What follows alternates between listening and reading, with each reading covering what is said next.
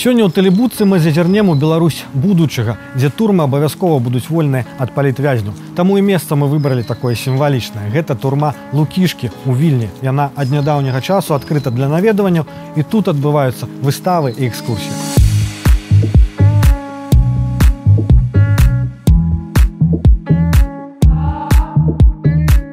Наш сённяшні гость рабіў кар'еру ў буйной IT-кампаніі цягам 15 год. І тут здарылася лета 2020. Ён апынуўся ў веры палітычных падзей. Дзякуючы яму беларусы зразумелі, што іх большасць. І шмат дзякуючы, у чым яму Беларусь ніколі ўжо не будзе ранейшай. Так выйшла, што ён стварыў код перамогі.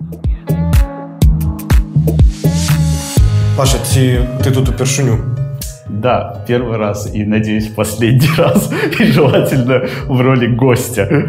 И как тебе атмосфера? Реально тревожно? А, да, на самом деле, вот когда ты здесь находишься, когда ты вот ощущаешь, как на тебя давят эти стены, вот это небольшое пространство, когда ты понимаешь, что в Беларуси в такую камеру вмещали 30 человек, а не 2 человека, как должно быть, становится действительно жутко. Ну безумоўна мы выбралі гэтае месца не каб паздзекавацца ці неяк там пайграць на пачуццях тых хто сапраўду зняволення для того каб паказаць якой можа быць Беларусь будучыню тым ліку вось в плане турмы да? цяпер гэта культурны хаб як я казалось на пачатку праграмы у гэтых камерах сидзела дарэчы шмат беларусаў Макссім гарэцкі Макссім танк рыгор шырма браніслав тарашкевич поэтому гэта место таксама знакавае для нас. І цяпер гэта просто такі помнік ужо часу. Давай пройдзем на месца нашай размовы.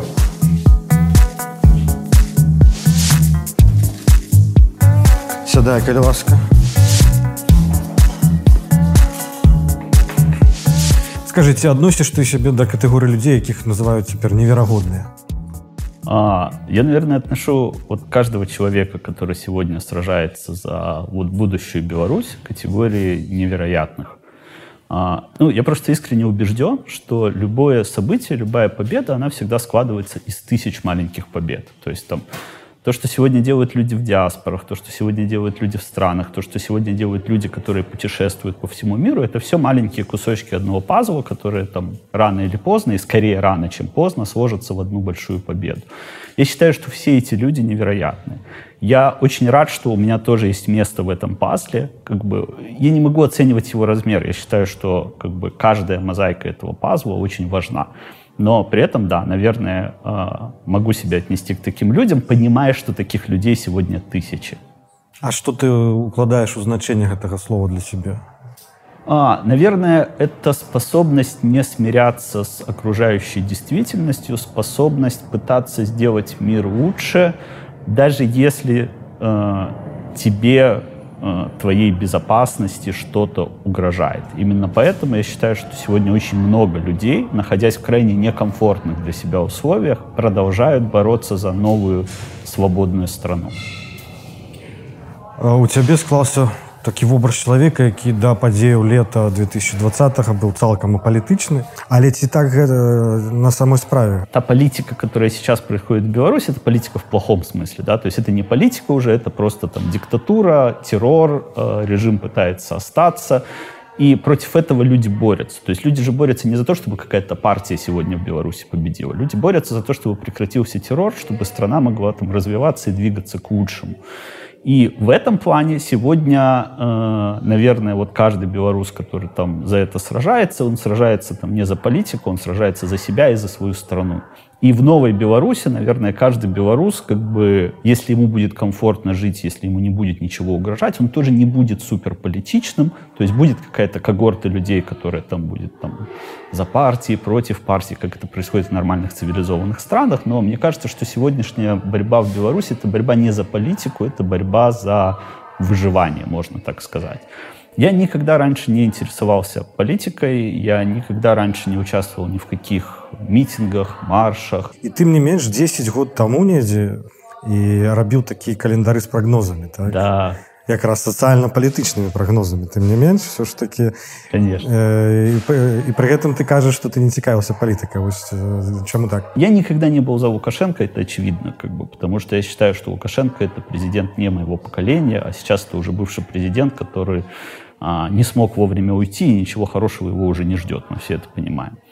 А, но при этом я никогда не входил в какое-то активное противостояние. Да? То есть даже те календари, они как бы это такой троллинг а, достаточно тонкий, чтобы повеселить людей, но... Але реально были прогнозы твои, які справджувалися? А, да, кстати, на самом Можешь, деле... Можешь, ты при, пригадаешь, может, там пару... Там же был прогноз и про Бел АЭС, и про то, что она с первого раза не запустится. И на самом деле это же было 10 лет назад, то есть еще ни про какой Бел АЭС вообще этого не шло речи про то, что мы будем переклеивать и дальше наклейки, выдавая продукты за белорусские. Ну, то есть очень много из этого сбылось. Ну, календари были, конечно, такие а они как бы весело депрессивные, назовем их так, потому что ничего хорошего они Беларуси не обещали при сохранении там той власти, которая еще была там 10 лет назад. Там рэха протест стал там 6 года, площадь 10 и оно не к тебе зусим не ну, кранало?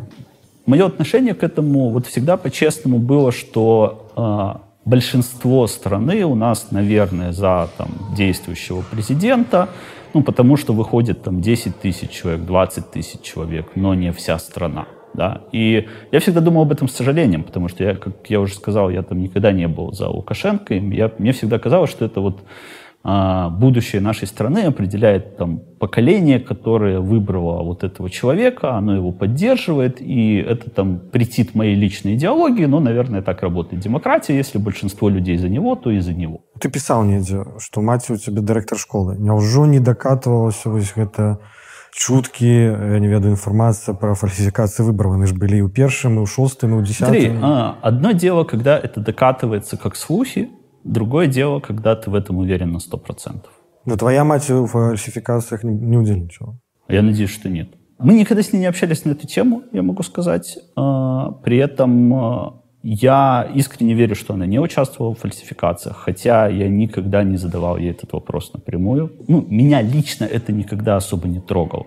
То есть ты чувствовал какое-то эмоциональное сопереживание, ты чувствовал сочувствие, что страной управляет там не тот человек, как ты бы хотел, ты чувствовал сожаление, что страна могла бы развиваться более активно по пути, который был бы для нее, как тебе кажется, более правильным, но это никогда не выражалось в какую-то активную гражданскую позицию в ответ, в моем случае. Сформулируем это так. А як хто сприймав тих людей, які активно виражали, які виходили на площу, які сядали на ті ж сутки? Ну, я уважал что этих людей, у них есть мнение. Я вообще всегда уважаю людей, у которых есть мнение. То есть и если человек там верит в то, что он делает, и он выражает это через какой-то активный гражданский протест, то, безусловно, он молодец, он имеет право это делать. И там, я в любом случае чувствовал там какую-то мысленную поддержку этому человеку, хотя там не считал правильным выходить и делать то же самое, не будучи там стопроцентным уверенным в своей правоте. Э, хочу вернуться до твоей биографии э, ведаю что ты нарадзіўся ў мінску але не ў гэтым горадзе правёл большую частку да. жыцця да студэнцтва э, як так сталася что гэта за город а, я большую часть времени провел в Бобруйске, и мои родители до сих пор живут в Бобруйске. И а, на самом деле замечательный город. Во-первых, он очень уютный на самом деле. То есть, ну, во-вторых, когда ты провел какое-то большое количество времени вот в каком-то месте, оно тебе становится таким теплым, родным. Вот все же эти воспоминания из детства, они такие очень теплые. То есть э, сейчас ты можешь приезжать, понимать, что да, там как бы что-то там не идеально и прочее, прочее, но у тебя всегда есть такое ощущение тепла, когда ты вот едешь в место, где ты достаточно долго жил. Ты служил в Печах, правильно? Да.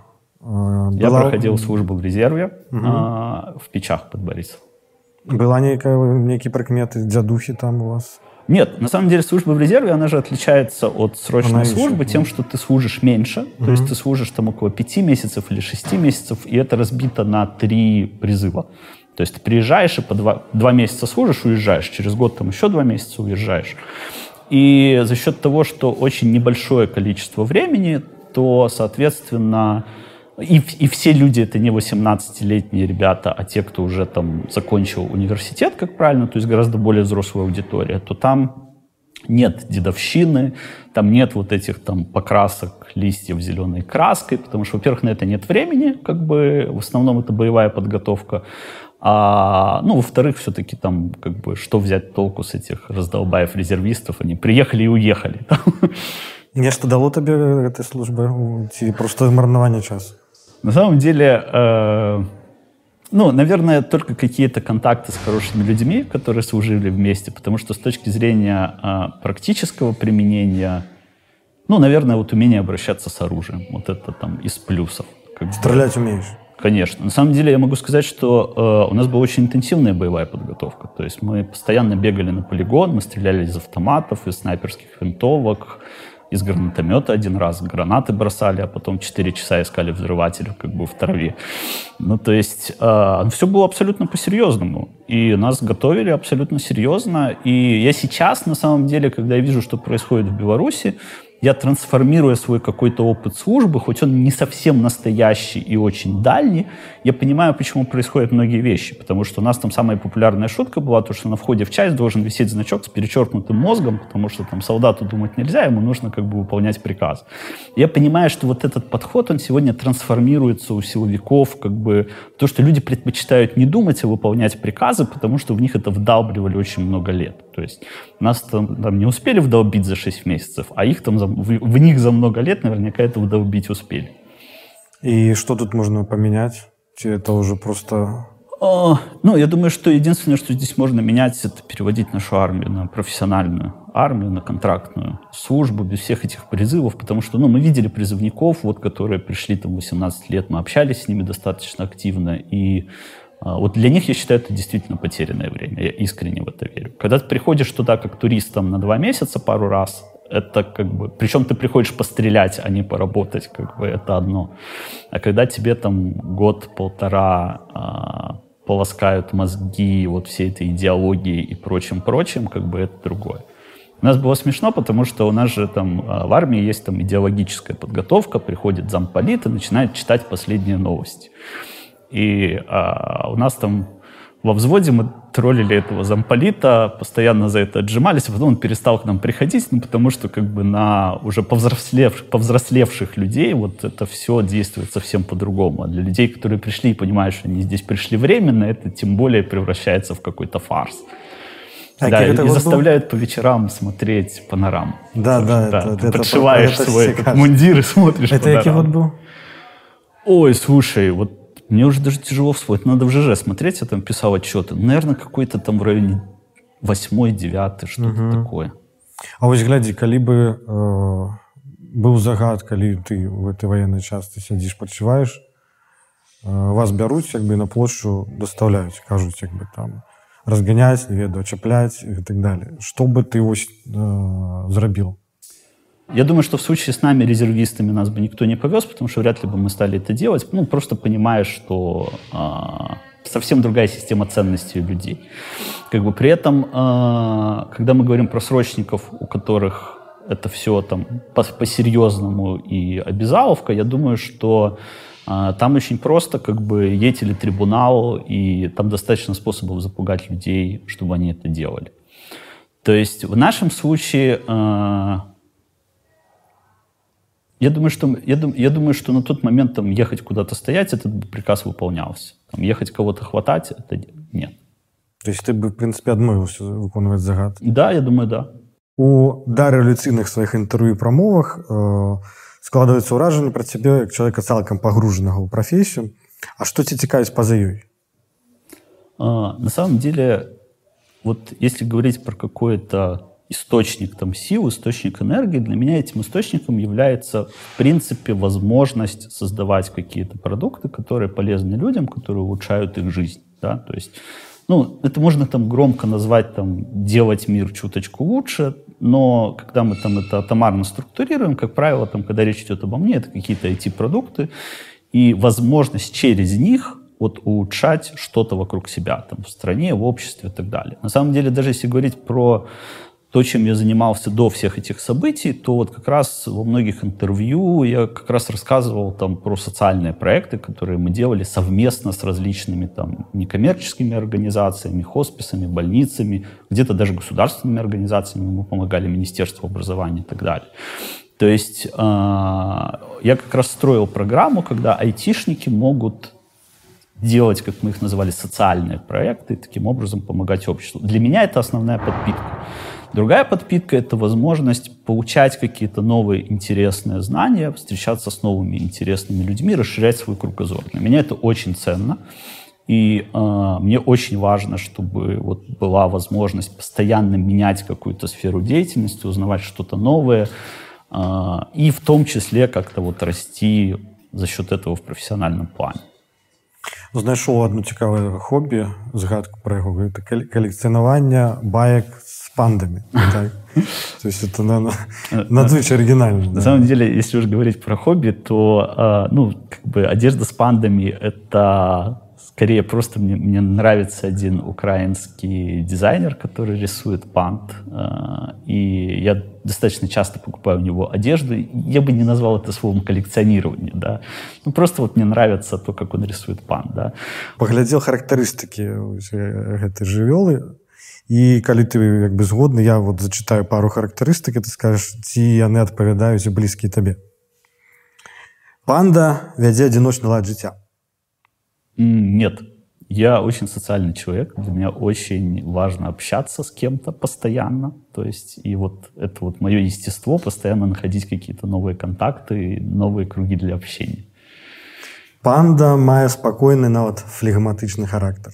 А, да, наверное, да. То есть я, в принципе, очень спокойный человек. И я себя считаю достаточно добрым человеком. И э, меня очень сложно вывести из состояния душевного равновесия. То есть это практически никому никогда не удавалось. Поэтому здесь, наверное, совпадает. У панды няма ворогов?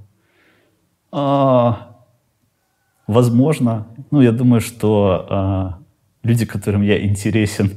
Есть, есть докладный ворог Ермошин. С такой точки зрения, да. да. Она же нас сразу объявила террористической организацией. Мы еще даже только вышли, а, а уже стали. А панда беззаборонная перед катаклизмами.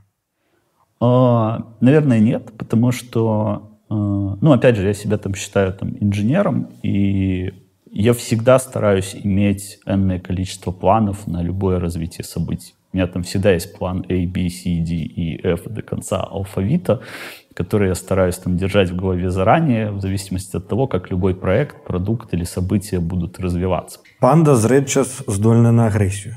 Да, совершенно спокойно, да. Но на самом деле э, для меня, опять же, для меня там я выплескиваю агрессию через что-то. В моем случае это через какие-то решения, то есть как бы когда я зол, я могу пойти там и за ночь написать прототип какого-нибудь продукта, который там навредит нашему существующему режиму.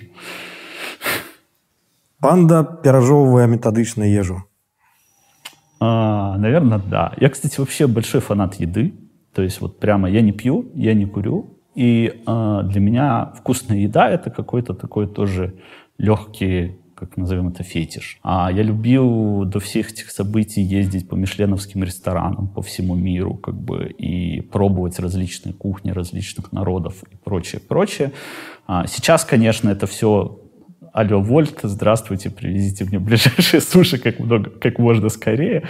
А, но я очень надеюсь вернуться к вот этому своему режиму, потому что я, я люблю вкусно есть, и я люблю прям вот едой наслаждаться, а не там перекусить по-быстрому. Панды полные вегетарианцы. Не, это вообще не про меня. Ну бачыш шмат, чаго сышлося ну, что-то да, да. Так, што не выпадкова гэты, гэты образ тебе полюбіўся але чаму не лел напрыклад а, не знаю даже. Я кстати лев по гороскопу ну. как бы но из животных мне вот почему-то нравится панда. Если знаешь будет этот мультик добрый кунг-фу панда про абсолютно такое доброе существо которое в нужный момент могло проявить агрессию. Вот наверное как бы я себя немножко с ним ассоциирую знайшоў на Ютубе даволі нечаканае відэа дзе ты вельмі прыгожа чытаеш верш Сергея грахоўскага ціха ціха гэтак ціха ціха на зямлі. Маладзік у небе дагарае бальшакі сумёты замялі і снягам няма канца і краю.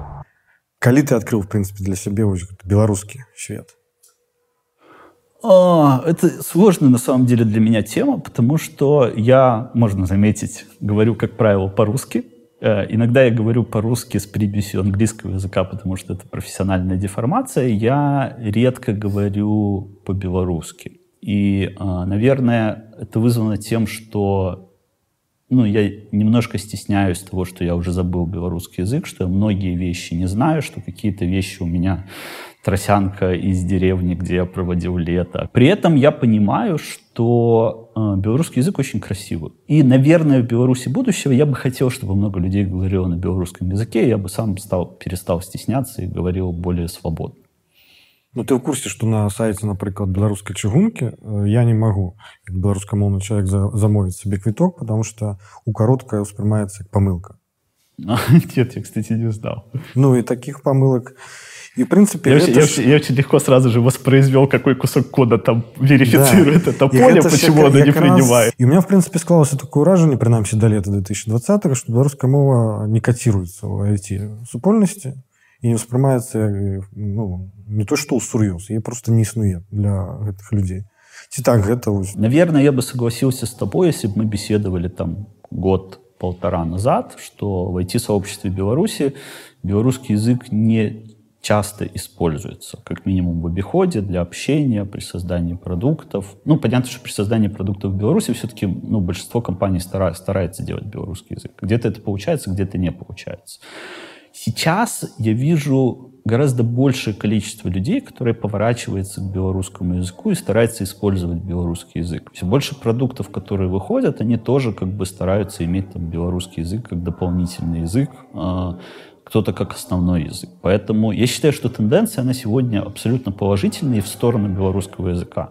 Я искренне верю, что когда там наш замечательный в кавычках режим падет, то вот эта трансформация начнет происходить гораздо быстрее, потому что сегодня в том числе, мне кажется, одним из больших препятствий для белорусизации является а, ну, то, что в большинстве государственных учреждений по-прежнему ты не воспользуешься белорусским языком. калі б табе вось гады полторы таму показалі скрин со сторонки где ты вылучаешься делегатам на альтернатыўны народный сход ты бы гэта поверыў нет ну на самом деле абсолютно нет а, я тебе больше скажу что вот я еще раз хочу повторить что а, вот чуть-чуть коснувшись вот всего этого назовем это, политического для меня мира, то есть вот этих вот реальных политиков, реальных обсуждений, реальных дебатов и так далее, я понимаю, что я хочу быть от этого как можно дальше. Потому что я считаю, что современная политика — это какая-то такая штука, где очень много людей, которые очень много говорят, и очень много действий, которые происходят. А мой мир, он совсем другой. Он состоит из действий и практически не состоит из разговоров. Поэтому я себя в этом вот мире политиков чувствую очень чужеродно и очень бы хотел как можно быстрее так тихим сапом свалить оттуда. Але ты разумееш што як бы палітычныя вось гэтыя працэсы яны немагчымы без э, тэхналогій Конечно. И наоборот, я могу сказать, что технологии тоже требуют дополнения в виде каких-то политических процессов. Ну, потому что сама по себе абстрактная технология, она может сработать только для какого-то очень ни нишевой штуки. Ну, вот голос, например, как бы он сработал как абсолютно нишевый инструмент для там, проверки фальсификаций. При этом мы все равно имели колоссальную поддержку от объединенного штаба, от организации «Честные люди» там, и так далее и тому подобное. То есть мы им очень благодарны, потому что вот я считаю, что это тот случай, когда там политические организации поддерживали технологическое решение. Поэтому получилось очень хорошо вместе органично это все сделать.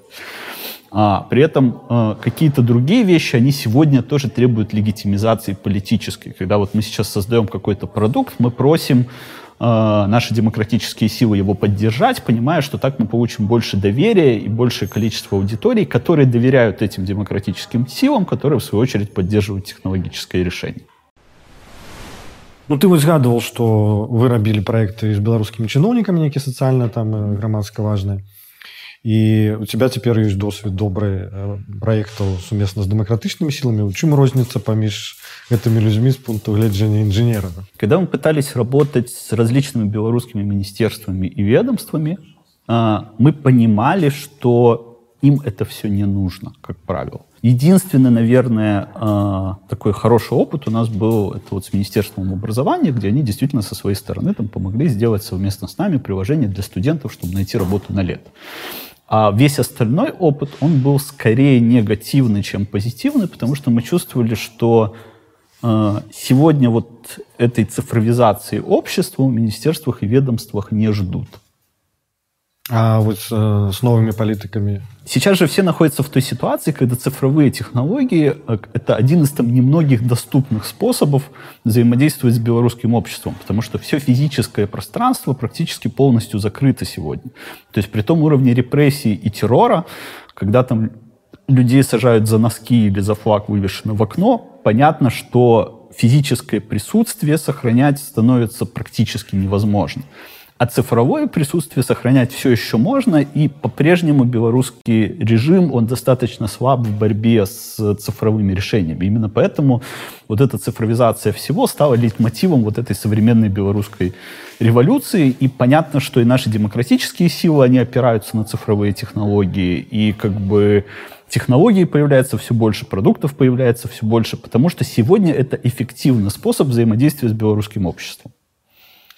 той дзень які у які з'явіўся голас ты памятаеш яго конкретно да что гэта а... был за день вот, вот опиши ну, на, на самом деле это очень, момент это очень интересно потому что э, мне почему-то многие приписывают что я придумал голос но это неправда а, я был Э, а почему приписывают? Потому что когда-то еще в июне я написал большой пост в Фейсбуке, что по-хорошему айтишники в нашей стране могли бы пойти и придумать какое-то решение, когда люди сфотографируют бюллетени, и потом мы сравним их с итогами. А потом меня познакомили с ребятами, которые придумали очень похожую идею. И по сути мы вот как бы сели, сколлаборировались, и в итоге появился голос. Поэтому я не являюсь единственным автором этой идеи. Можем для истории назвать, а? Э, можем для истории назвать людей, которые еще являются авторами? А, сегодня нет но когда мы победим, то, конечно же, мы их назовем. Они э, как бы анонимны и как бы по понятным причинам.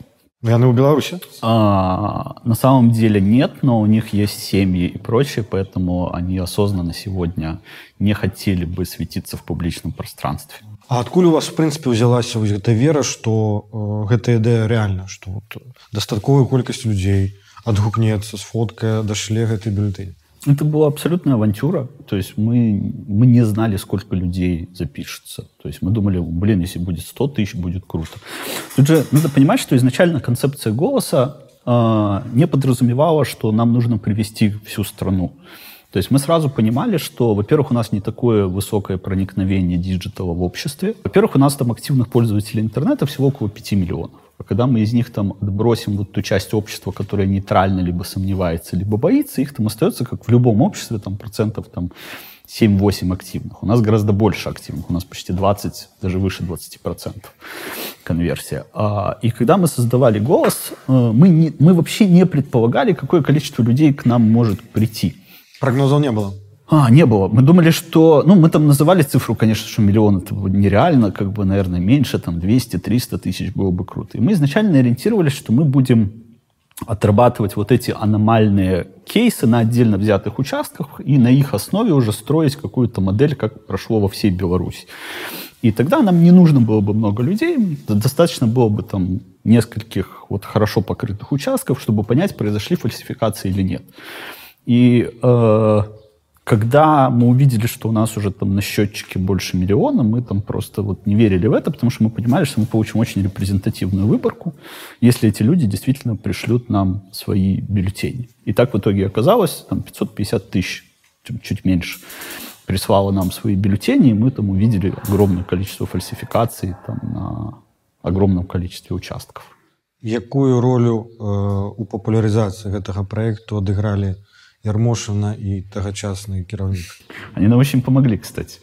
Сначала Ермошина сказала, что это преступный проект, что это все террористические, короче... Шкодники и злочинцы. Да, да, да, задумка да. для того, чтобы народ вывести на площадь и так далее и тому подобное. К сожалению, а, в нашей стране внедрена, внедряется, я бы сказала, политическая афера – под названием интернет-платформы «Голос». А потом мы получили прямо свои несколько секунд в ежегодном обращении Лукашенко, когда он сказал, и что тут придумали, не дай украсть свой голос. И мы поняли, что у нас есть самый дорогой пиарщик, и у нас тогда как бы на счетчике было 1300, и он как-то даже уже начинал затихать, а вот после этого Он там прям начал расти, расти, расти, ну, потому что для белорусов уже нет лучшего подтверждения качества продукта, чем если его начинает хаять государство. Ну, я разумею, что была некая, напевно, эйфория и радость у вас знаходу такого пиару да, на, держав... на, вы... на вышэйшым дзяржаўным узроўні. Але тым не менш, ты ж аддаваў сабе справаздачу, что тым самым ты автоматично трапляешь у спіс ворагаў режима. Ты знаешь, это интересно, потому что на первом этапе нет. Ну, то есть, понимаешь, тут, тут же нужно понять, что вот когда мы говорим про какой-нибудь июнь-июль вот прошлого года еще ты как бы думал, так, а что я такого делаю? Я mm-hmm. же просто делаю там интернет-голосование. Да, и я могу там сказать, опять же, я не могу называть имен, но я могу сказать, что когда голос вышел и начал там набирать обороты, э, мне там позвонил знакомый, связанный с государственными органами, и сказал, пакуй чемоданы и как можно быстрее выезжай, скоро за тобой придут. А, и вот в этот момент произошло там первое осознание, что, наверное, скоро за мной придут. Поэтому я взял чемоданы, вылетел в Стамбул. Я, кстати, очень символично уже потом подумал, что вот я сейчас в маечке, это просто одна из первых маечек, которую купил там, за 2 бакса в Стамбуле, потому что на ней было написано 1984. Наверное, это про Беларусь. Короче, и я вылетал в Стамбул, у меня были билеты обратно на 12 августа, потому что я думал, что нам просто нужно запустить продукт, отработать, а потом я вернусь. И вот я с моим маленьким кабинцай с чемоданом с тех пор уже и не возвращался. Вот в момент, когда нас стали объявлять преступниками, когда про нам прошелся Лукашенко и так далее, мы очень четко поняли, что, во-первых, нам всем нужно оставаться анонимными. Команда «Голос» же очень большая на самом деле. То есть очень большая. Сколько человек? Ну, на пике было больше 40 человек. То есть сейчас меньше, понятно, но при этом как бы из команды «Голоса» в паблике нахожусь там только я и Таня Курбат, наш пиарщик. Ну табе ў пэўны момант стало страшно з улікам того что у тебя тады цяжарная жонка была так да вот э, мне на самом деле как бы было страшно ну оно же приходит потом осознание того что за тобой будут охотиться что назад ты вернуться не можешь что могут отыграться на семье и так далее стало понятно что назад уже как бы возвращаться сейчас нет никакого смысла поэтому уже 14 августа я переехал из Стамбула в Киев и жена приехала ко мне и с тех пор мы уже вместе ездим по разным странам і все ж таки я хочу до конца зразумець навошта табе чалавеку які зрабіў выдатную кар'еру які меў там заробак добрую працу ісці на такую рызыку то есть вось твоя дакладная конкретная матывацыя ідці паўтарыў бы ты гэта ведаючы ўсё повторил бы не задумываясь и единственное о чем я жалею тут это о том что наверное если бы голос вышел чуть раньше мы бы набрали еще больше аудиторию еще более явно бы сделали вот показ всех этих фальсификаций а так, слушай, ну, э, тысячи белорусов же продолжают делать это все. Это, наверное, потому что у них у всех есть вот это чувство внутренней несправедливости. И многие, включая меня, там ставят действительно на кон свое там благосостояние, жизнь и прочее, прочее. Совершенно не важно, сколько ты зарабатываешь и какое у тебя благосостояние, если у тебя все это могут забрать ну, вот, за один день. И никакие суды тебе не помогут, никакие оправдания. Ну, то есть когда страна становится настолько неправовой, то уже как бы неважно, как, как бы, в каком социальном положении ты находишься. Все равны перед беззаконием, я бы вот это так назвал. А блокование интернета было сюрпризом для вас? Нет, мы были уверены, что интернета не будет. Изначально механика же работы голоса э, не требовало, чтобы люди свали фотографии в тот же день. Мы, мы считали, что ты можешь отрубить интернет, ты не можешь отрубить, ну, ты не можешь удалить миллионы фотографий в телефонах людей. Как бы, поэтому интернет появился, люди начали досылать фотографии. Мы, я уверен, что мы потеряли какую-то часть людей из-за запугиваний на участках, из-за того, что не было интернета несколько дней, но все равно мы получили там больше, чем полмиллиона как бы, бюллетеней, и нам этого было более чем достаточно. Вечер 9 жніўня як ты его провел в Стамбуле следил за тем, что происходит в Беларуси. Следить было очень тяжело, потому что а, уже тогда были проблемы со связью, что-то работало, что-то не работало, где-то обрывками какие-то фотки попадали в Телеграм, и уже тогда было понятно, что как прежде уже не будет. И уже тогда, поскольку там уже предварительно там стали говорить, что вот Лукашенко победил и так далее, мы уже тогда понимали, что будут фальсификации. Это, кстати, прикольно, потому что э, до какого-то момента мы все еще думали, что, а может быть, действительно фальсификации не будет. А ну вот сейчас, когда смотришь назад, кажется, блин, каким ты был наивным идиотом вообще тут. Но вот тогда это осознавалось так. А, вядомы бюджет голоса а, у голоса нет бюджета на самом деле в чем уникальность голоса это то что это продукт который родился а, вокруг группы программистов, которые делали его в свободное время и продолжают его развивать в свободное время. То есть мы ни разу не просили а, ни у какого фонда деньги, мы не регистрировали никакого юрлица. При этом, если бы это был коммерческим проектом, наверное, он бы там уже за полмиллиона перевалил за все это время по стоимости. Евро? Ну, я думаю, да. Но при этом а, по-прежнему это люди, которые тратят свое личное время на развитие продукта. і ты удзельнічаеш яшчэ ў распрацоўцы шэрагу іншых там грамадскіх да. проектаў гэта таксама по фану все а да это все свободное время а то ты... есть я не я могу честно сказать как бы вот на камеру привет я не получаю деньги ни из каких фондов за то что я делаю на проектах. Ты по-ранейшему працуешь в епам? А, я уволился из белорусского офиса епам. И ну потому что после всех этих ситуаций я ушел в отпуск за свой счет, понимая, что мне нужно время, чтобы дальше работать над всеми этими проектами. И, в принципе, ты не бачишь вот такие проекты, ориентованные на побудову громадянской супольности, по факте, своим дальнейшим бизнесом? Я уверен, что это должно быть бизнесом. Я не уверен, что это будет бизнесом, который там общество купит у меня. А, но при этом, как бы, почему нет? То есть в будущем я бы очень хотел строить решения для цифровой Беларуси и очень бы хотел в том числе на этом строить какой-то бизнес. Ты выглядаешь великим оптимистом э, в своих неких интервью, когда тебя пытаюсь я, прогнозы. Я абсолютный оптимист по жизни просто. Вот ничего не могу с собой сделать. А какие прогнозы ты давал э, у осень?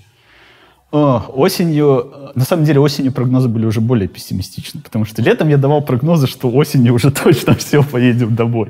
Осенью стало понятно, что ну на самом деле так быстро не поедем, поэтому я там прогнозы сдвигал на весну. Сейчас у меня прогноз лета, ну потому что видно, что жизнь меня ничего не учит, но мне приятно жить вот с этим осознанием, что нужно еще чуть-чуть дожать, и оно все, короче, изменится. И на самом же деле оно же вот так и работает. То есть вот я слышу очень много возражений, типа, ну вот вы тут там фигачите уже там 8-9 месяцев, а вы видите, как бы, что вот по-прежнему режим есть, ничего не изменилось. Мне кажется, все настолько колоссально изменилось за эти 8-9 месяцев, что это уже вообще совершенно другая страна, совершенно другой режим, совершенно другое потенциальное развитие событий. То есть я на это смотрю очень оптимистично. Я считаю, как я уже там говорил в начале, что вот этот маленький маленький вклад каждого человека, который что-то делает, он все равно в итоге соберется в эту мозаику, которая там этот режим опрокинет. Я считаю, что нужно не переставать что-то делать, понимая, что все равно это приведет тебя к какому-то итоговому результату. Какой ты бачишь Беларусь в 2022 году и себе у ёй? Но я думаю, что Беларусь уже точно должна быть свободной в 2022 году. Пересовывать уже не будем, твой прогноз. Да, да, да, да, да, уже не хотелось бы. Я бы очень хотел э, делать различные решения, то есть э, по цифровизации общества, по цифровизации процессов, я вообще большой идеолог того, что Беларуси не нужны все эти министерства и ведомства. Сегодняшние технологии позволяют существенно уменьшить количество людей, как бы принимающих решения, но дать этим людям инструментарий, который позволит принимать эти решения более эффективно. Вот я за это, и я бы очень хотел это делать. Мне кажется, что Беларусь сейчас находится в очень интересные ситуации. Опять же, это в некоторых интервью приводило аналогию, что там некоторые африканские страны не застали проводных телефонов и не сразу прыгнули в, в мобильную связь. И, соответственно, мне кажется, Беларусь точно так же сейчас может совершить такой сразу же скачок в цифровую эпоху, в которую там даже многие европейские страны еще там не дошли, просто в силу каких-то своих там долгих процессов и прочего-прочего. А белорусское общество, оно уже сейчас настолько вовлеклось в технологии, что в принципе строить дальше какие-то технологичные решения можно уже гораздо проще, чем сегодня. Ну ты кажаш, што э, вось гэтыя ідэі они фактычна скарацяць той же чыноўнічы апарат, наколькі па прынцыпе процентов і што рабіць гэтым людзям потому что я думаю что это самы вялікі страх беларускага чыноўніка что яго скарацяць і выкінуць да возможно жалко ли мне да ни капли ну, я общался с большим количеством э, чиновников в Беларуси, еще когда мы делали социальные проекты. Я искренне не понимаю предназначения очень многих ролей, людей, что они делают. И вот на сколько процентов потом это Я думаю, что 50, 50 вообще легко можно сократить, а остальные уже посмотрим. Ну, то есть, и я считаю, что это правильно. То есть я считаю, что, ну, вот эта проблема отмирания каких-то профессий и появления новых профессий, это же не только про чиновников, это же, в принципе, проблема современного мира. Да, вот вся эта цифровизация, постковидная эпоха и так далее, они показывают, что большое количество каких-то профессий там отмирает, устаревает. Я думаю, что количество людей, работающих в турфирмах, сократилось там за последние два года, наверное, там больше, чем на 50%. Назовешь такие самые перспективные, на твой гледжання профессии, там, скажем, 2-3? Ну, если говорить про IT, то это там дальнейшее развитие там cloud, то есть cloud-архитектор, они уже сейчас прямо так вот начинают зарождаться как отдельная сущность. Если говорить просто про там весь мир, ну, наверное, это будет дальше связано уже с э, вот этими self-driving cars, машины, которые ездят сами. А, вот ведь я иногда говорю, что я, мне иногда проще вспомнить по-английски, чем по-русски.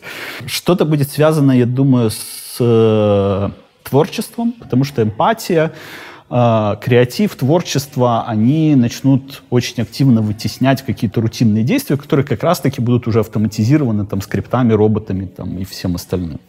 То есть я думаю что, думаю, что мир будет двигаться вот куда-то в эту сторону. Я, кстати, искренне верю, что сейчас начнется снова бум таких ремесленных профессий, когда будут очень цениться вещи, сделанные не на производстве, а вещи, сделанные как бы а, персонально, руками. Вот. И сейчас вот, вот этот пласт, он снова там начинает тоже в обществе расти.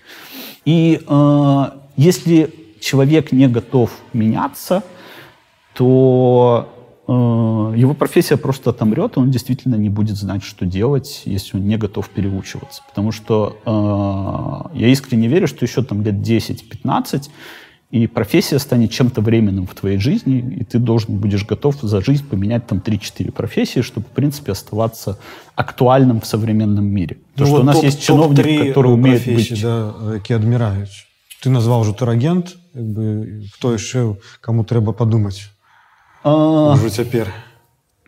Ну вот сейчас, кстати, происходит очень интересный, э, очень интересная тряска вот всей этой офисной недвижимости когда вот стало понятно, что офисы-то по сути не нужны, и 50% людей, которые выехали из офисов, там не хотят возвращаться обратно. Опять же, посмотрим на классических э, таксистов, например, как бы, то есть им сначала на смену стал приходить там Uber, Bolt, все остальное, сейчас это все переходит на модели каршеринга, а в будущем есть там следующее направление, которое уже в некоторых странах начало использоваться, когда люди просто свои собственные машины, вот, которые им принадлежат, начинают отдавать в каршеринг. Человек утром приехал на работу, ему машина до вечера не нужна. И он, по сути, ее там сдает в некий там каршеринг, когда этой машиной пользуется кто-то другой, при условии, что ему пригонят эту машину вечером к его работе.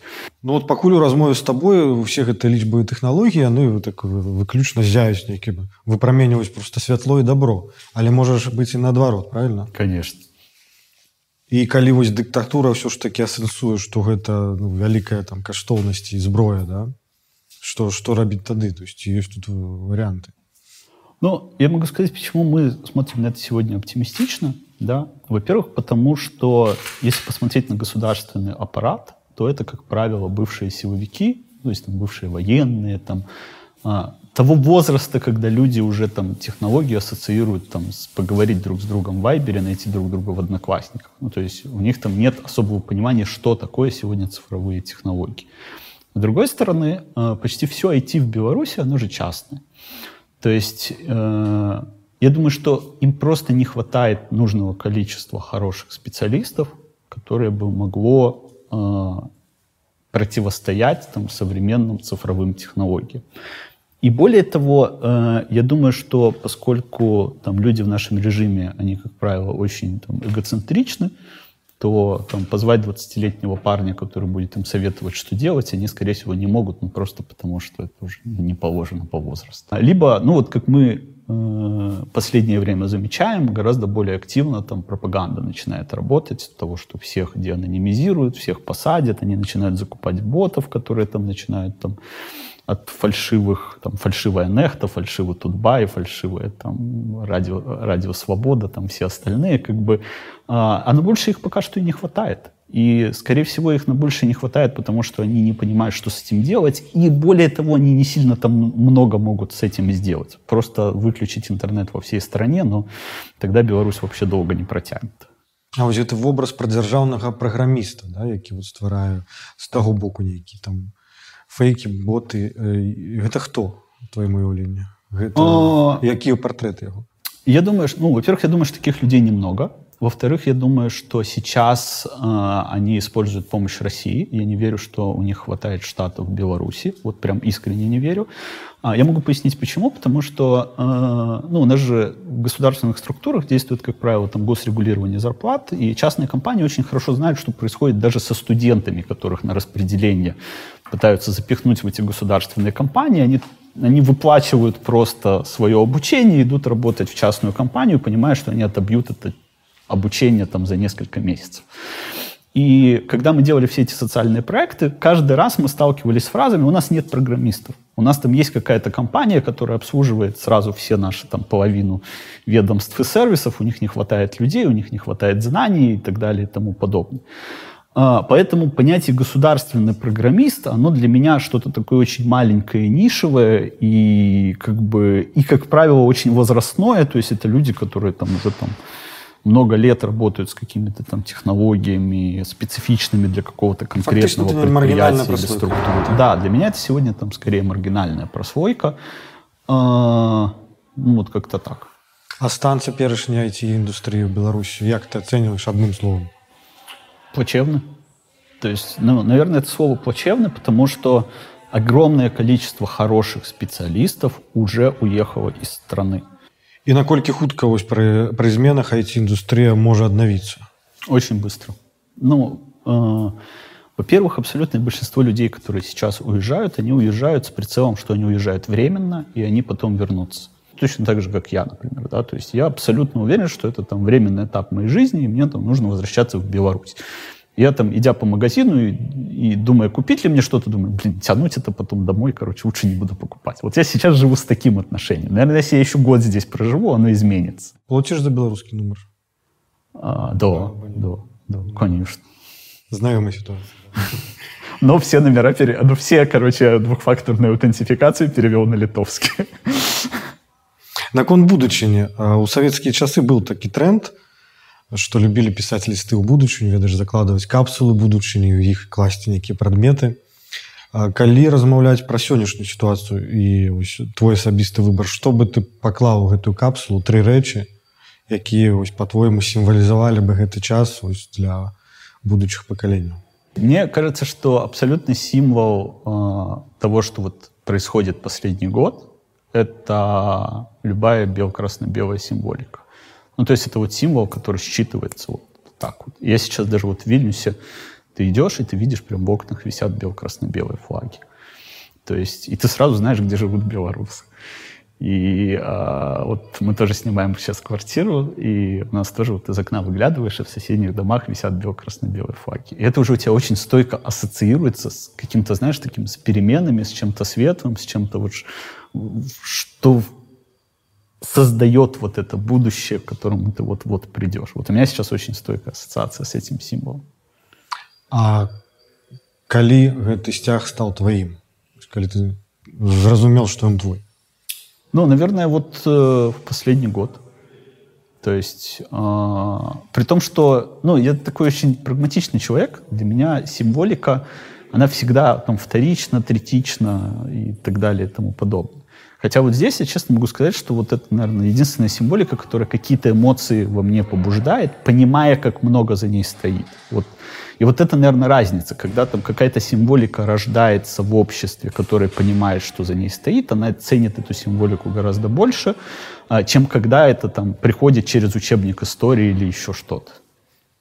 Так само прапанова до наших гледачоў пішыце ў каментарах вось гэтыя тры рэчы якія вылічыць самым самымі важнымі для нашай эпохі каб пра нас лепш зразумелі нашчадкі Пры канцы кожнай праграмы э, робім падарунак госцю надеюсь это голова лукашенко Ха- Ну, хотелось бы, ну, как бы, я думаю, что это само собой натуральным чином повинно адбыцца.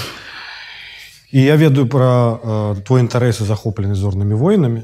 О, да. Угадал, так? І па сутнасці гэта ж гісторыя э, нейкага такого змагання да і гісторыя перамогі. Таму хочу табе падарыць такі сімвалічны падарунак. Гэта светлавы меч. О, Это светлавы меч. крутяк. Спасибо І большое. пажадаць, э, каб і наша перамога беларуская адбылася чым мага хутчэй ну і няхай з табой будзе моц. Спасибо большое. Дзякуй за размову. Очень приятно. Да, вот «Звездные войны» — это прям моя І любовь. зараз зараз патэсцім. Открываем. Давай. О, То есть эта штука, она будет светиться, коли ты опранешь вот эти окуляры. ага. Как оно? Оп. По- Понатискай там каких-то кнопок пол. Да слушай, это одна кнопка. Где-то какая-то кнопка на окулярах. Ну, можно заняться читанием ин- инструкции. Вот прям- присесть. Подъезжаешь. Программисты инструкции не читают. Метод тыка наше все.